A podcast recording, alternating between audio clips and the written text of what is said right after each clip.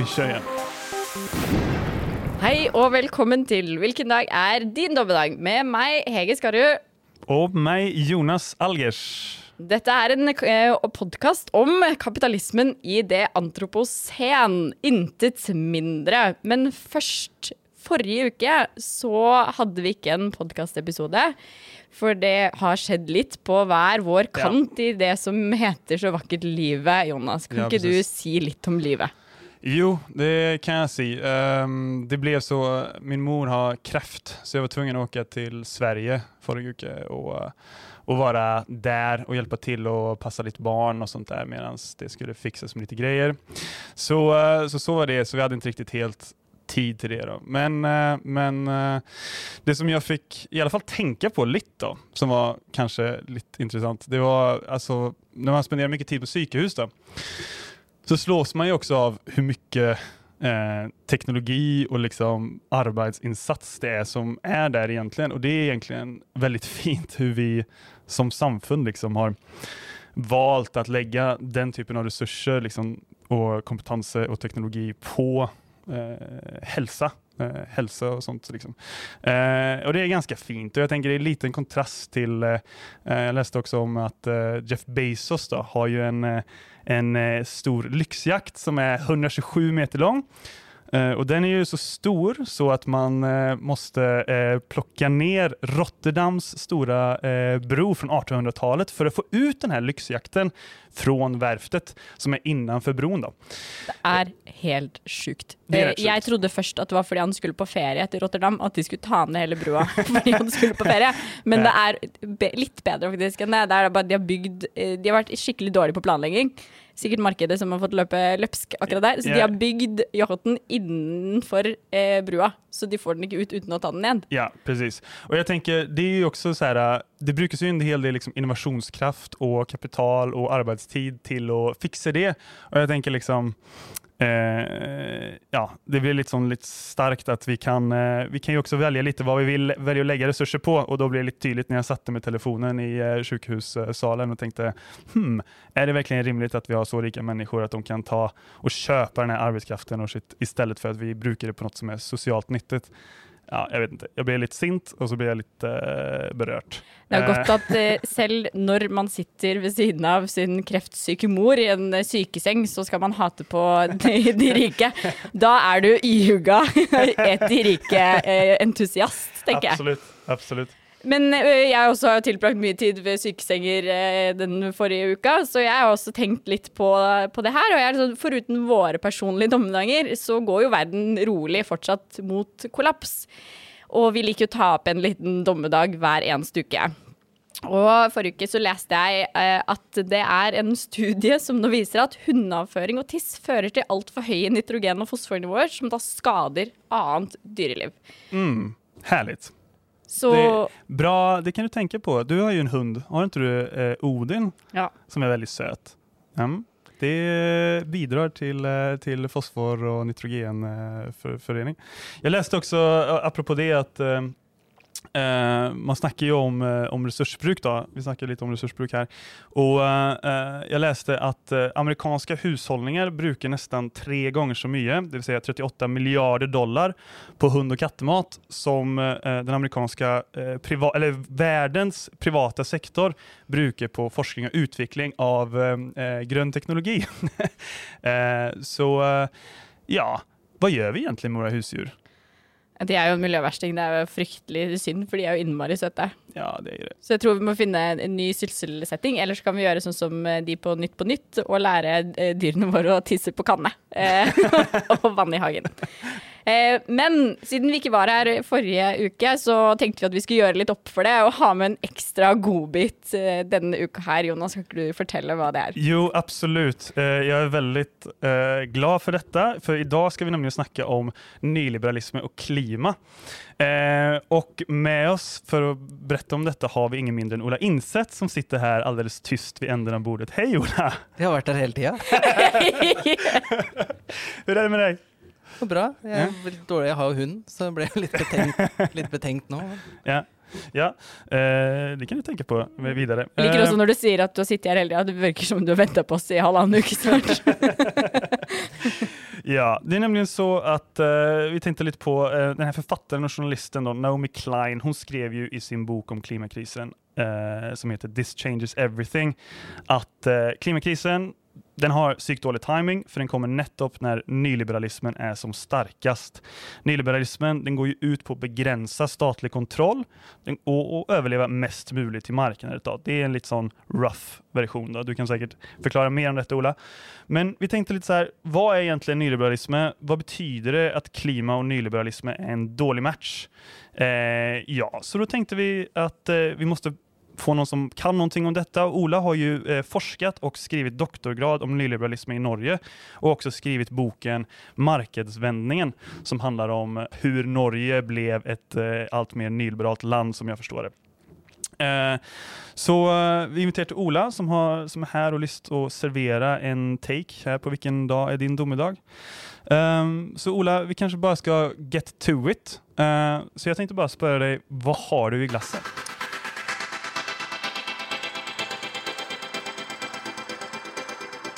Jo, har, det blir ikke sånn blanding av sprit og, sprit og brus. For det har jeg aldri helt uh, skjønt den store fascinasjonen for. Men jeg har en take, da. Jeg har en take. Ja.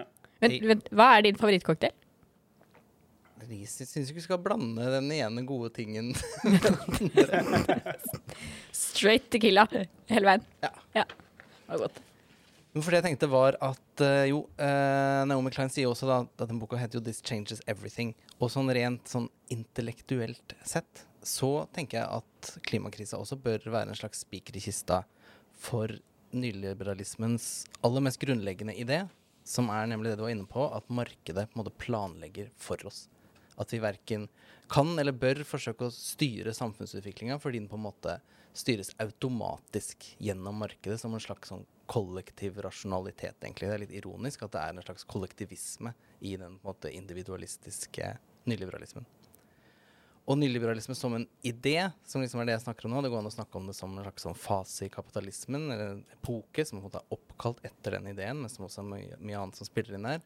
Men som en idé, da, Men jeg tenker det som Friedrich Hayek spesielt, noe som vokste fram under mellomkrigstida i opposisjon til sosialisme, først og fremst, men også egentlig alle mulige andre former for statlig eh, styring av økonomien og økonomisk planlegging. Så mot de som ville planlegge økonomien rasjonelt, gjøre samfunnet bedre for alle osv., så, videre, så argumenterte de, egentlig på ganske overbevisende måter, om at det ikke var mulig.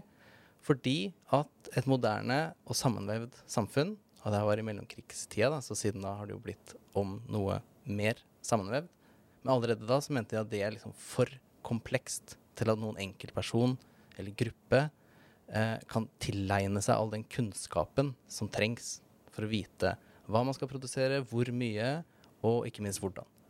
Og det er egentlig et ganske godt poeng, da.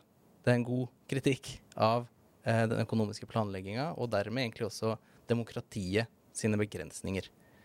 Eh, og i det så er det mye sånt som er konservativt og reaksjonært, at man ikke må blande seg inn i de gjeldende maktforhold, som er sånn av en grunn, og de har vokst fram spontant osv. osv. Men det er også en mer sånn modernistisk og visjonær idé, som nemlig er at markedsmekanismen nesten automatisk samler inn, egentlig genererer og prosesserer all den kunnskapen og informasjonen som trengs.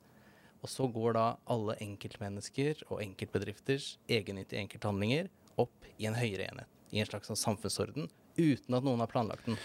Men nu, nu när du snakker her, så, så høres det ut som at det liksom utvecklas som en idé i opposition till planlegging. Liksom. Kan, du, alltså, kan du inte bara förklara litt då, snabbt? Da tenker jeg liksom direkt på ah, okay, östblocket, liksom, eh, den typen av planlegging. Eh, staten bestemmer alt og brødköer og så. Alltså, vad, eh, är, det det, är det det som de definierer som den planlegging de oppositionerer seg mot? Eller, eller liksom, hur, eh, hur fungerer det? Ja, for det, det her er jo mellomkrigstida, så før det her har skjedd, men det er på en måte det de spår at kommer til å skje. Så da, ved murens fall osv., så, videre, så fikk de jo en slags vind i seilene. Mm. en slags, ja, det var det vi sa. Eh, fordi da argumenterte jo på en måte mot sosialismen som en idé, men som en veldig sånn praktisk mulighet der mm. og da. Fordi det hadde vært revolusjon i Russland, i Tyskland, i Østerrike, i Ungarn osv. Så, videre, så eh, det var på en måte en veldig reell mulighet. og da kom de med et økonomisk argument for hvorfor det her kan ikke fungere. da. Og egentlig så var det, det er en slags sånn variant av Adam Smiths eh, usynlige hånd, eh, hvor alt liksom eh, går opp. Eh, men nyliberalistene var veldig opptatt av at man måtte bruke staten for å få på plass og beskytte alle de markedsmekanismene som gjør at det moderne samfunnet kan fungere. Så det handler ikke om å kvitte seg med staten, men om å bruke staten for markedet. Så ikke istedenfor, sånn som sosialister, og, men også liksom sosialliberalister, og for den saks skyld fascister og konservative, alle gjerne ville da, på den tida. Men den ideen da, om at markedet på en måte planlegger for oss, eh, den har vært kjempeviktig tror jeg, i økonomisk politikk. Helt siden det systemet vi hadde i etterkrigstida for en slags planstyring, på en måte grunnstøtte på 70-tallet, og vi fikk nyliberalisering, markedsvending. Eh, fordi at selve det på en måte intellektuelle grunnlaget for at markedet kan løftes fram som noe sånn nesten magisk, det er nettopp det som kalles kunnskapsargumentet. At staten aldri kan ha den nødvendige kunnskapen og informasjonen om økonomien som på en måte oppstår i det bedrifter og enkeltpersoners tilbud og etterspørsel møtes i en markedsmekanisme. Det er liksom en grunnleggende nyliberalistisk tanke som også har gjort seg gjeldende i økonomifaget. Eh, og det er f.eks. derfor man slutta i Norge med politisk styrt kreditt, det som ble kalt kredittsosialisme, eh, av de borgerlige partiene i hvert fall, hvor staten drev en slags økonomisk planlegging gjennom å allokere kreditt til de sektorene som man ville satse på. Så i 1984, tror jeg det er, så slutta man med det. Fjerna masse utlånsbegrensninger og overlot da til kommersielle banker, som opererer som markedsaktører selv i konkurranse med andre banker, å avgjøre hvem det er som burde få kreditt, ut fra en sånn forestilling om da at en markedsmekanisme ville føre til bedre økonomisk planlegging enn om et statlig organ gjorde det. Så et av veldig mange eksempler, da. Men i dag så kan jo på en måte ingen gå med på at markedet er en slags overmenneskelig rasjonalitet som på en måte planlegger for oss. Fordi vi vet så godt at vi er nødt til å nå et veldig konkret mål, nemlig lavere utslipp av klimagasser. Og det er jo ikke på en måte et lite sånn policy-problem. Uansett hvor stor tro man har på kapitalismen i det her, så er det jo snakk om en kjempestor endring i hele verdens energisystem. Og siste sjanse da, for de som på en måte virkelig tror på markedet, eh, at de tror at det på en måte planlegger for oss og tar oss et bedre sted på et eller annet vis, det er sånn nesten ekstrem teknologioptimisme. At det bare skal, at det bare skal komme en oppfinnelse som liksom ordner opp på et eller annet plan. Enten at man faktisk da kutter og fjerner utslipp, eller ved at de rikeste gründerne klarer å opprette liksom, levelige soner for seg selv. At de flytter sivilisasjonen til en annen planet. Det er jo nokså ja. utbredt. Elon Musk. Det, det, er det som vi har snakket om en del her tidligere i podkasten, om Elon Musk og grønn innovasjon og sånt der. Liksom. Det, blir en, eh, det er det man har kvar da, liksom, når man, når man i møte med klimakrisen, om man skal virkelig tro på den her markedsfundamentalismen. Da, liksom. ja. Eller så alternativet klimafornekting. Ja som også blir mer og mer utbredt mm. i liksom nyliberale kretser. Jeg tror at det, liksom, at det er en bløff. At det faktisk er, liksom, det er en del av den store greia hvor sosialister ja. finner på ting for å øke skattene på folk. Det er den watermelon-teorien, ja. at det er grønn på utsiden og rød på innsiden? Det er jo veldig spennende akkurat det du tar opp der. Er, folk går rundt og sier at FN er liksom marxistisk og bare alt de gjør er for at Ja, ikke sant? Mens vi andre er bare sånn er det ikke omvendt? Ja, Total liksom, forskjellig virkelighetsforståelse, mye pga. nettopp det du, du, tar fram her. Da. Ja, exakt. Jeg tror på en måte det ikke går Det går egentlig ikke an å både anerkjenne klimakrisa og fortsette å tro på det. Da. Nei. Og det er jo potensielt kanskje noe som kan ta oss videre ja. Så må du enten begynne å planlegge å flytte til Mars, eller du må bli liksom klimaskeptiske PNR per Sandberg-type eh, retorikk. Eh, eller man må bare tviholde på liksom ekstremteknologioptimismen. Ja. Og jobbe veldig mye med karbonfangst-lagring og sånne ting. Da, kanskje. Eller så gir man bare opp og blir en uh, vattenmelon som oss, oss andre. Hengi seg til sosialismen. Exakt. Men vet du, jeg tenkte på en sak. Du sier liksom, når du snakker om det her med eh, liksom, eh, poängen med eh, nyliberalismen det er liksom eh, inte bara att, eh, att markedet kan løse saker bedre, men du sier også at de kan planlegge bedre for oss. Liksom. Kan du ikke bare eh, forklare litt det? For det låter jo litt som at jeg tenker at det vender liksom, man vänder lite på det. At syftet er å planlegge, men det er bare markedet som gjør det bedre enn mennesker.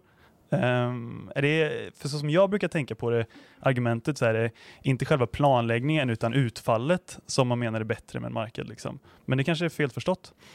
Ja, för man ser jo nå at når mange nå tar in över seg hva slags problem vi står overfor, Eh, og derfor skjønner jeg at det ikke går ikke an å tro på markedet som en sånn overmenneskelig kollektiv rasjonalitet lenger. Det er ganske far out. ikke sant? Når man utlegger det sånn eksplisitt, det går ikke an å si at ja, sånn tror jeg det er. Det, det er jo religiøst, liksom. Ja. Eh, så hører vi jo mer og mer om at liksom når staten kommer tilbake, og det er i hvert fall mye snakk om at stater skal lede an i det grønne skiftet osv. Mm. Og det er da, tror jeg, potensielt et ganske stort brudd med nyliberalismen. Så det er viktig å si også at staten har aldri vært borte. Den har vært der hele tida. Mm. Og fordi også i tråd med nyliberalistisk tenkning så må man ha en sterk stat for å få et markedssamfunn, men at statens makt handla om å legge til rette for å skape og beskytte markeder, ikke om faktisk planlegging av liksom hvilken retning samfunnet skal gå i. Ja, exakt. Så det er mye planlegging som skal til for å skape et nyliberalistisk markedssamfunn, er det jeg sier da. Men en litt annen type planlegging. Right.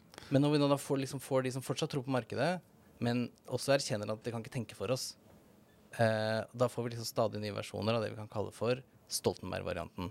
Nemlig noe som han sa eh, da han drev og privatiserte halve Norge tidlig på 2000-tallet, at eh, markedet er en dårlig herre, men en god tjener. Nei, just det. Det Får vi, liksom- en, får vi en ny Stoltenberg-variant nå med eh, Stoltenberg som sentralbanksjef? Hva blir liksom det nye nå? Spennende å se. Ja. ja. Ja. Jeg snakker om Jens Stoltenberg, selvfølgelig, ikke den eh, langt mer kjente folkehelsedirektøren. exakt, exakt. God fortydning der. det er bra. Uh, men, men så du mener liksom at Stoltenberg, eh, den här Stoltenberg-synen på plan og marked, liksom, det er det er da eh, det arbeiderpartistiske liksom, alternativet til nyliberalisme på en måte. Ja. Att så här, jo okej, markedet är bra, men bare som tjener, liksom, Mm. ikke som herre. Og det Ja. høres jo egentlig veldig fint ut. Ja. Det er jeg enig i. Ja, det høres jo veldig fint ut. For vi har ikke den liksom, metafysiske tanken om at markedet planlegger for oss. Eh, fortsatt- Det er bare et verktøy. Det er vi som er sjefen. Ja, precis. Vi er fortsatt sjefen, chefen. Liksom. Vi har fortsatt kontrollen. Vi tapper ikke kontrollen. Ja. Det Og det høres selvfølgelig mye bedre ut. Det er mye bedre, men det er et par ting som er litt rart med det også. Fordi jeg tror det er viktig å huske at markedet er ikke, det er ikke et hvilket som helst verktøy. Og det var også for så vidt poenget da, til nyliberalistene da de utvikla sine ideer i mellomkrigstida. Da diskuterte de bl.a. med noe som kaller seg for markedssosialister. Som var folk som mente at man kunne oppnå på en måte, alle de positive effektene ved markeder som nyliberalistene holdt fram, innafor et sosialistisk system hvor produksjonsmidlene var offentlig eid. Eh, og da var poenget til Hayek at men da er det ikke et marked lenger. Da vil det ikke ha alle de positive effektene som vi ønsker oss. Nettopp fordi det er uløselig knytta til det kunnskapsargumentet og hovedideen om at du ikke kan på en måte planlegge på samfunnsnivå, bare innad i bedrifter osv. Så, videre. så okay. idet man innfører en slags politisk styring, så blir alle insentivene annerledes, og det vil ikke fungere sånn som det skal. Som vi, som vi eier liksom, uh, uh, produksjonsmidlene, men har eh, arbeid og kapital er på en marknad fortsatt, liksom. Da, da er det satt ur spill, mente Hayek da, eller? Det, I hvert fall ifølge Hayek så mister på en måte Ja. markedet alle sine magiske krefter Ja. det du forsøker å styre det. Oh. Alle de der enhjørningene som styrer markedet, blir plutselig borte. Vet du det, men Hayek, Hayek, eh, kan vi ikke bare snakke litt om Hayek også, bare så vi får det for tydelig gjort? Hayek var jo en av de viktigste nyliberalene. Eh, han, som du snakket om i stad, han var jo, kan du bare forklare hva han var? Han var fra Østerrike, ikke sant? Han var fra Østerrike. Han eh, var økonom. Eh, han eh, ut, videreutvikla de her ideene om hva markedet egentlig er for noe, Mm. i de her debattene om sosialisme, som ble kalt kalkulasjonsdebattene. Som ble starta av hans sjef igjen, som het Mises. Eh, så var Hayek var mannen som liksom virkelig tok det videre, og kom fram til alle de her litt sånn speisa ideene om at eh, markedet på en måte nesten river kunnskapen At markedet nesten vet mer om deg enn du vet selv. For det er bare idet du bruker den kunnskapen som du nesten ikke vet at du, er, at du har, dine preferanser, og de du bare går og kjøper noe, da oppstår det en ny kunnskap eh, som markedet på en måte henter ut, og den kunnskapen ville vi aldri ha fått hvis det ikke hadde vært for det.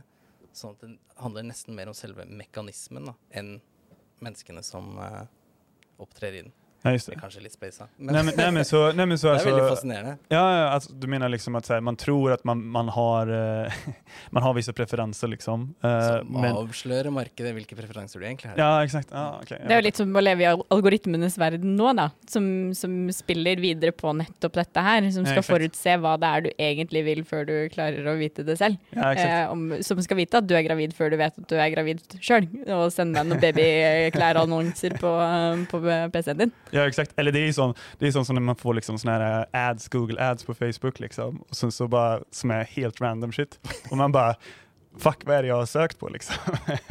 så det, det är kanske lite det då, att det verkligen avslöjar mina egentliga preferenser liksom. Jag är egentligen intresserad av Big Penner liksom, eh, än, eh, mer intresserad av det än jag tror. Men det forutsetter jo på en måte at da kan en typisk ting da kan å si at ja, vi snakker om klima. Vi sier at vi er opptatt av klima. Vi sier det til oss selv, vi sier det til vennene våre, til alle. Men når vi går på butikken, hva gjør vi da? Ja. Og da kjøper vi masse produkter som eh, fører til masse CO2-utslipp osv. Så, videre.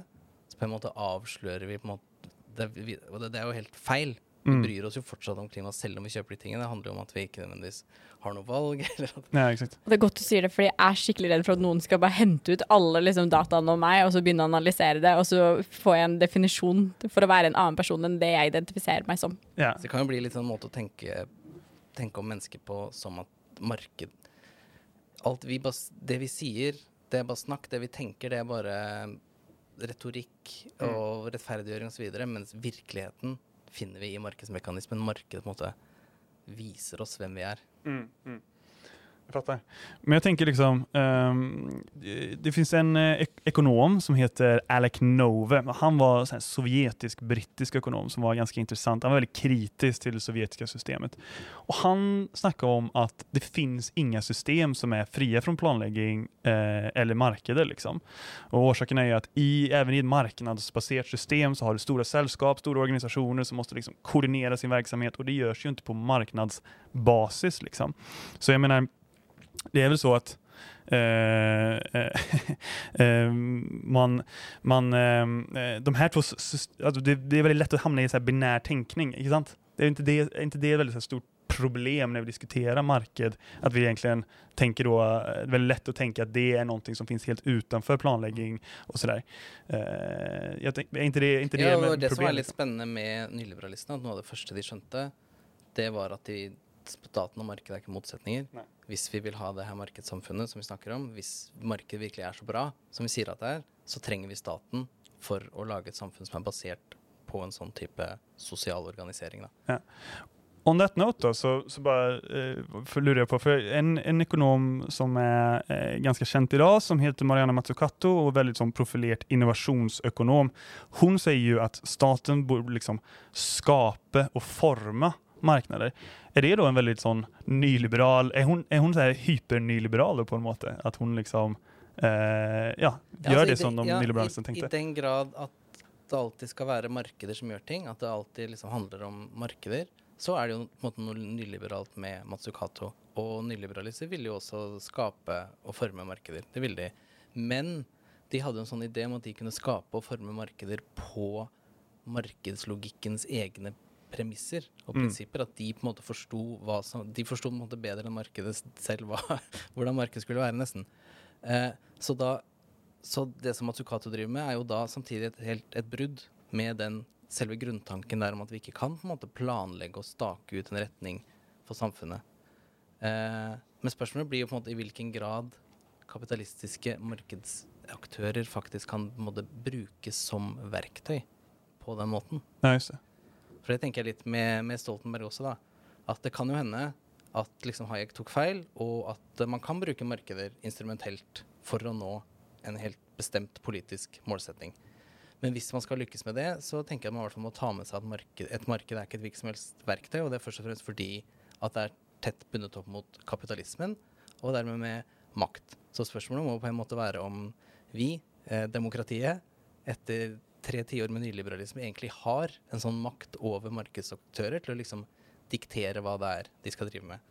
For vi har, sett en enorm maktforskyving mellom demokrati og kapital helt siden 70-tallet. Hvor det er demokratiene, nasjonalstatene, som måte løper etter og danser kapitalens pipe for å tiltrekke seg investeringer, arbeidsplasser osv. Så, videre. så hvis det nå er sånn da, at nå er det demokratiene som setter premissene for kapitalen, så vil det være en veldig stor endring. Eh, og det vil også sikkert være noe som fordrer en del institusjonelle nyvinninger. Det holder ikke bare å si i en valgkamp at nå skal staten være litt sterkere, og viktig å bruke staten litt nå. Dere. Nei. Fordi vi, eh, vi har jo snakka om det veldig eh, teoretisk til nå, at markedene trenger staten. Og da handler det jo litt eh, Det jeg liker veldig godt på det du pleier å snakke om, Ola, er jo akkurat dette her. Men man vi jobber ganske mye med internasjonal handelspolitikk i Attack f.eks. Og der er liksom nyliberalismen ligger jo i kjernen der, og det er virkelig sånn man har klart å institusjonalisere nyliberalismen ganske godt i veldig mange land eh, utover.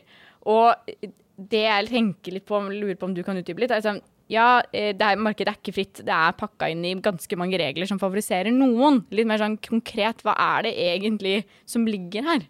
Hvordan er det man tar Hayek sine tanker og putter de inn i disse avtalene som eh, man kan snakke om, da? Ja, altså, for markedet er jo regler. Eh, så det finnes ikke noe sånt som et uregulert marked. Eh, selvfølgelig eiendomsrettigheter som er på en måte det mest grunnleggende, men alle på en måte, kontrakter og avtaleinngåelser som markeder på en måte er basert på, følger jo alltid liksom tydelige regler. Reguleringer ville vært et annet ord som betyr det samme. Eh, det, det finnes jo ikke noe sånt på en måte, Ville Vesten-opplegg. Et helt fritt marked. Det er illusjon. Nesten et retorisk knep. Sånn som frihandelsavtaler, da, som dere jobber med, det er jo tusenvis av sider med reguleringer. Eh, tenk på børsen, hvor markedskreftene liksom flyter fritt. Og det er liksom upersonlige investeringsfond, kjøper og selger upersonlige aksjer hit og dit på sekunder, basert på tall som bare går opp og ned. Det handler ikke om hva slags produkt eller hva det er, noen ting. Det er også tvers igjennom regulert. Og det har børser alltid vært. ikke sant? De ringer i bjella når du kan begynne, når man kan slutte. Alle mulige regler om innsidehandel og innsideinformasjon osv. Så, videre. så Så spørsmålet er jo aldri om markeder eh, skal være regulert, men hvordan de skal reguleres, hva man skal forsøke å oppnå med reguleringene. Og ofte så er jo reguleringene på plass, i hvert fall i sånn liksom markedsvennlige reguleringer, er jo plass at man ønsker å oppnå mest mulig konkurranse. Man forsøker liksom å hjelpe markedet med å bli mer markedete. Eh, sånn at liksom små og mellomstore bedrifter kan komme til å bli mye bedre konkurranse osv. For de vil jo ikke ha sjans uten konkurranselovgivning som hindrer større aktører i å utnytte sin markedsmakt. Men i det eksempel, så er det jo en veldig sånn interessant erkjennelse at hvis man overlater markedet til seg selv, så slutter det å være sånn som vi mener at markeder er, eller i hvert fall bør være. Der, at de på en måte undergraver seg selv på et vis. Man kan jo se på kryptomarkedet f.eks., som er veldig sånn anarkokapitalistisk. Der prøver man jo i en stor grad på det der. Det går jo ikke særlig bra heller. Det, det, går jo Det er umulig å liksom følge vi kommer til å snakke mer om det her på en annen podkast, men det, det, det, er jo ikke en solskinnshistorie der heller, så det er jo kjempe Det er jo bra det at man Nei. ser at staten har en viktig rolle i å ivareta liksom, lover og regler, eh, også i nyliberalismen, på en måte, da. Ja, eksakt. Altså bitcoin Jeg så til eksempel at Sverige har gitt skatterabatt til bitcoin-gruver nå, som det heter, som bruker strøm. Eh, så, eh, så de får jo litt statlig støtte der også. Ja, men jeg tykte, men jeg tykte, ja, den kaller det gruvor, det är egentligen bara serverhaller som liksom, eh, hanterar detta.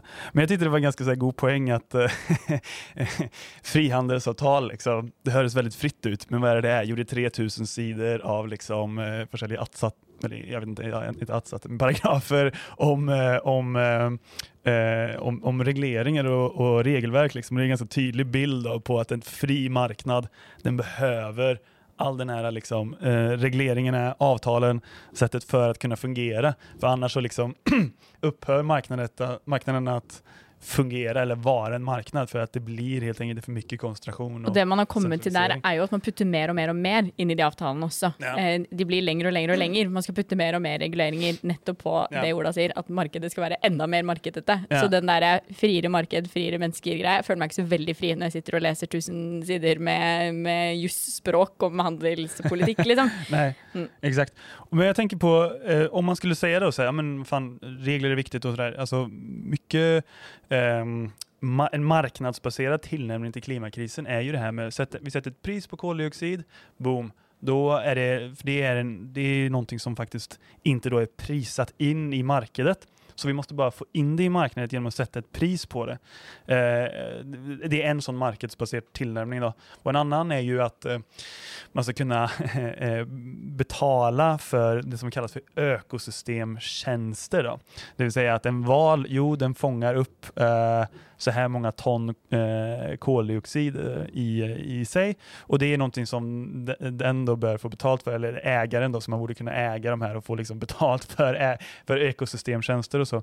Eh, jag menar, eh, det är ju en ganska så här, det är ju en coherent eh, liksom, tillnärmning, marknadsbaserad tillnärmning till klimatkrisen. Liksom. Men du tänker att, att eller som du snackade om i stad, då, liksom, om att det här med den här markeds hysterin, det går inte ihop med klimatkrisen. Liksom. Vad, vad, tänker du om, om den tilnærmingen? Alltså det, det kan jo hende det fungerer. Mm. Og bra det, hvis det gjør det. Men um, for det første, tilbake til det jeg sa om makt. Har man egentlig i praksis den makta til å faktisk pålegge eh, selskaper, markedsaktører, kapitalen, alle mulige sånne krav? Um, og hvis man har det, da, så er jo det kjempebra. Hurra. Men hvis det også er sånn da at vi løser Hvis til slutt nå løser klimakrisa ved å, å trykke masse penger og gi de til markedsaktører for, eh, for å gjøre det og det i stedet for det og det, og så løser vi klimakrisa. Også kjempebra. Men hva skjer da? Ja. Eh, hvis de da har blitt Tilbake til med makt. Ja. Hvis de da har blitt eh, veldig rike og mektige av å gjøre det her, og dermed da har råd til 5000 lobbyister eh, til å påvirke politikken til å kanskje endre på akkurat de samme reguleringene som ble satt inn for å få dem til å gjøre det i utgangspunktet. Så det er ganske, det er ganske mange ledd i det å liksom fra du har sagt ja, hadde ikke vært fint om det, vi bare lagde gode insentiver for kapitalistene, da, så bare gjør de det for oss. Mm. Jo, det hadde vært fint, men én, har vi den makta til å faktisk gjøre det? Og to, hva fører det til om vi kanaliserer alle samfunnets, enda mer av samfunnets ressurser dit, i stedet for eventuelt å gjøre det på en annen måte? Og hvis argumentet for å gjøre det er fordi det er markeder, og markeder er så effektive, så må man gå inn og se på det markedet, se, se på det argumentet om hvorfor markeder er så effektive, og se at det er også basert på en idé at om at det egentlig ikke går an å styre markedet på den måten som man sier at man vil. Og da har vi kommet rundt såpass langt Precis. at jeg også tenker at da, da tenker jeg også at da har vi på en måte avslørt at markedet er en form for sosial organisasjon. Ja. Punktum. Måte å organisere på, samfunnet på. Det er ikke noe naturlig med det. Og da kunne vi jo kanskje eventuelt gjort det på en annen måte også, da. Ja, just det. Så du mener liksom at, uh, at uh, eh, om det blir liksom en sånn eh, okej, vi, markedet er mer effektivt, men sen så det er basert på at markedet går ikke å kontrollere. Så da er det liksom, ja, det kanskje ikke er en tilnærming som liksom håller ihop hele veien, da. Nei, men det kan jo hende det går an å kontrollere det. Men da må man ha tunga rett i munnen, da. Hvordan har man tunga rett hvor, eh, Tydeligvis et begrep jeg ikke har vært borti før i mitt liv, å holde tunga rett i munnen, for det klarte jeg ikke å si engang. Men eh, hvordan, hvordan gjør vi det da? Altså, eh, er det her vi skal på en måte eh, forlate dette og dets historie? Men hva gjør vi eh, videre, da? Jeg tenker at man kan, altså, Nyliberalistene hadde en veldig veldig god kritikk av økonomisk planlegging i mellomkrigstida, som egentlig også er en kritikk av demokratiet. En veldig god kritikk, det også. Men vi har ikke noe annet alternativ, da hadde vi, vi har ikke noe annet alternativ enn demokrati. Eh, og i dag har vi ikke noe annet alternativ enn økonomisk planlegging. Så derfor så må vi finne måter å få det til å funke på. Skjønner. Det tycker jag var en, eh, en bra sätt att avsluta eh, den eh, delen. Ska vi legge lägga den der eller eh, ja, och gå videre? Mm. Ja, då gjør vi det. Tack så mycket Ola för att du eh, valde att komma hit till Vilken dag din domedag och prata lite om nyliberalism och klima. Det var veldig viktig for oss at du skulle være første gjesten vår, Ola. Vi er veldig veldig bæret over at du ville tilbringe tiden din med oss. Det har vært kjempekoselig. Tack så mycket. Takk for meg.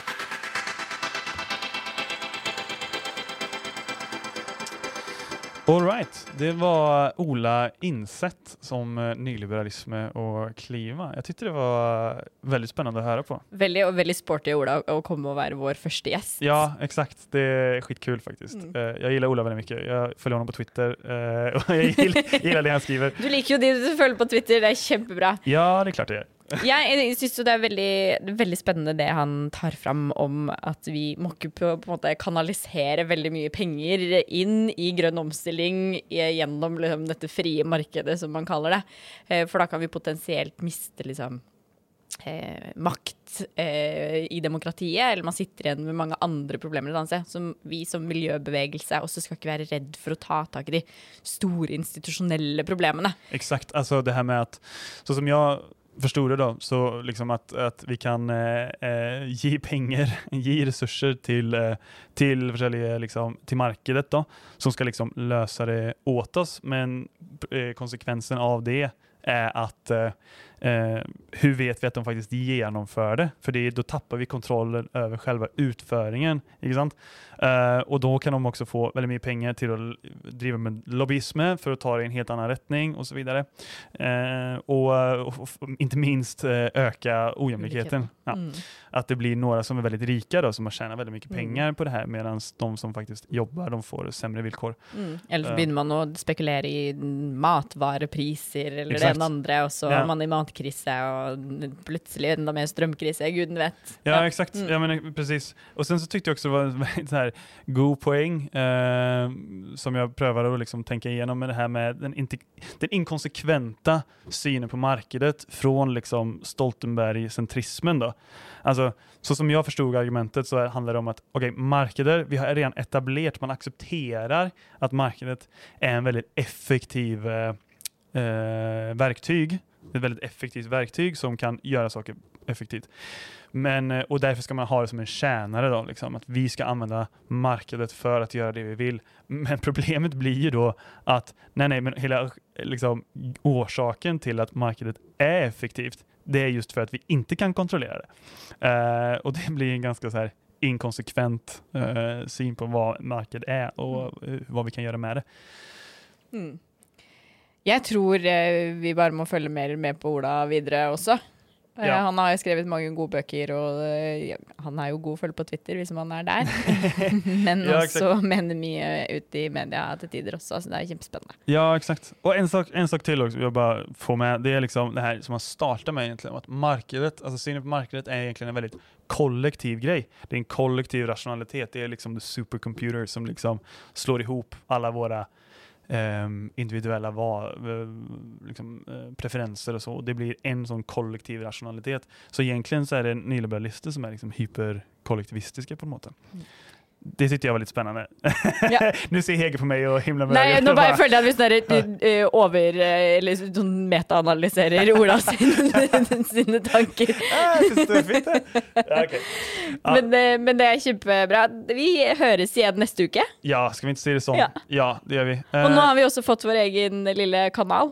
ja, det har vi. Precis. Vi har fått vår helt egna kanal på, eh, på Spotify och relaterat till medier. Hoppas vi, Jeg tror det.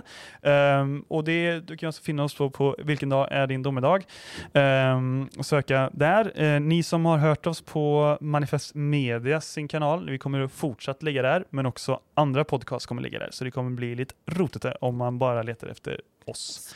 Um, så, så det. Och sen så kan vi också säga att vi kommer, vi har fått en uh, mailadress som är domedag4u eh, at gmail.com, det vill säga domedag4u eh, at gmail.com. Och ni får gärna skicka in eh, spörsmål, kommentarer eller tankar för vi vill gärna veta lite mer vad ni tänker om, om eh, vilken dag som er er dag. Som eksempel hvis noen har lyst til å gå gjennom alle episodene og telle hvor mange ganger vi har hatt det på Elon Musk, vær så god, jeg vil gjerne ha den statistikken. exakt, exakt. Uh, ja, så uh, takk så mye som ni som har lyssnat. Vi høres igjen neste uke. Det gjør vi. Ha det. Hej!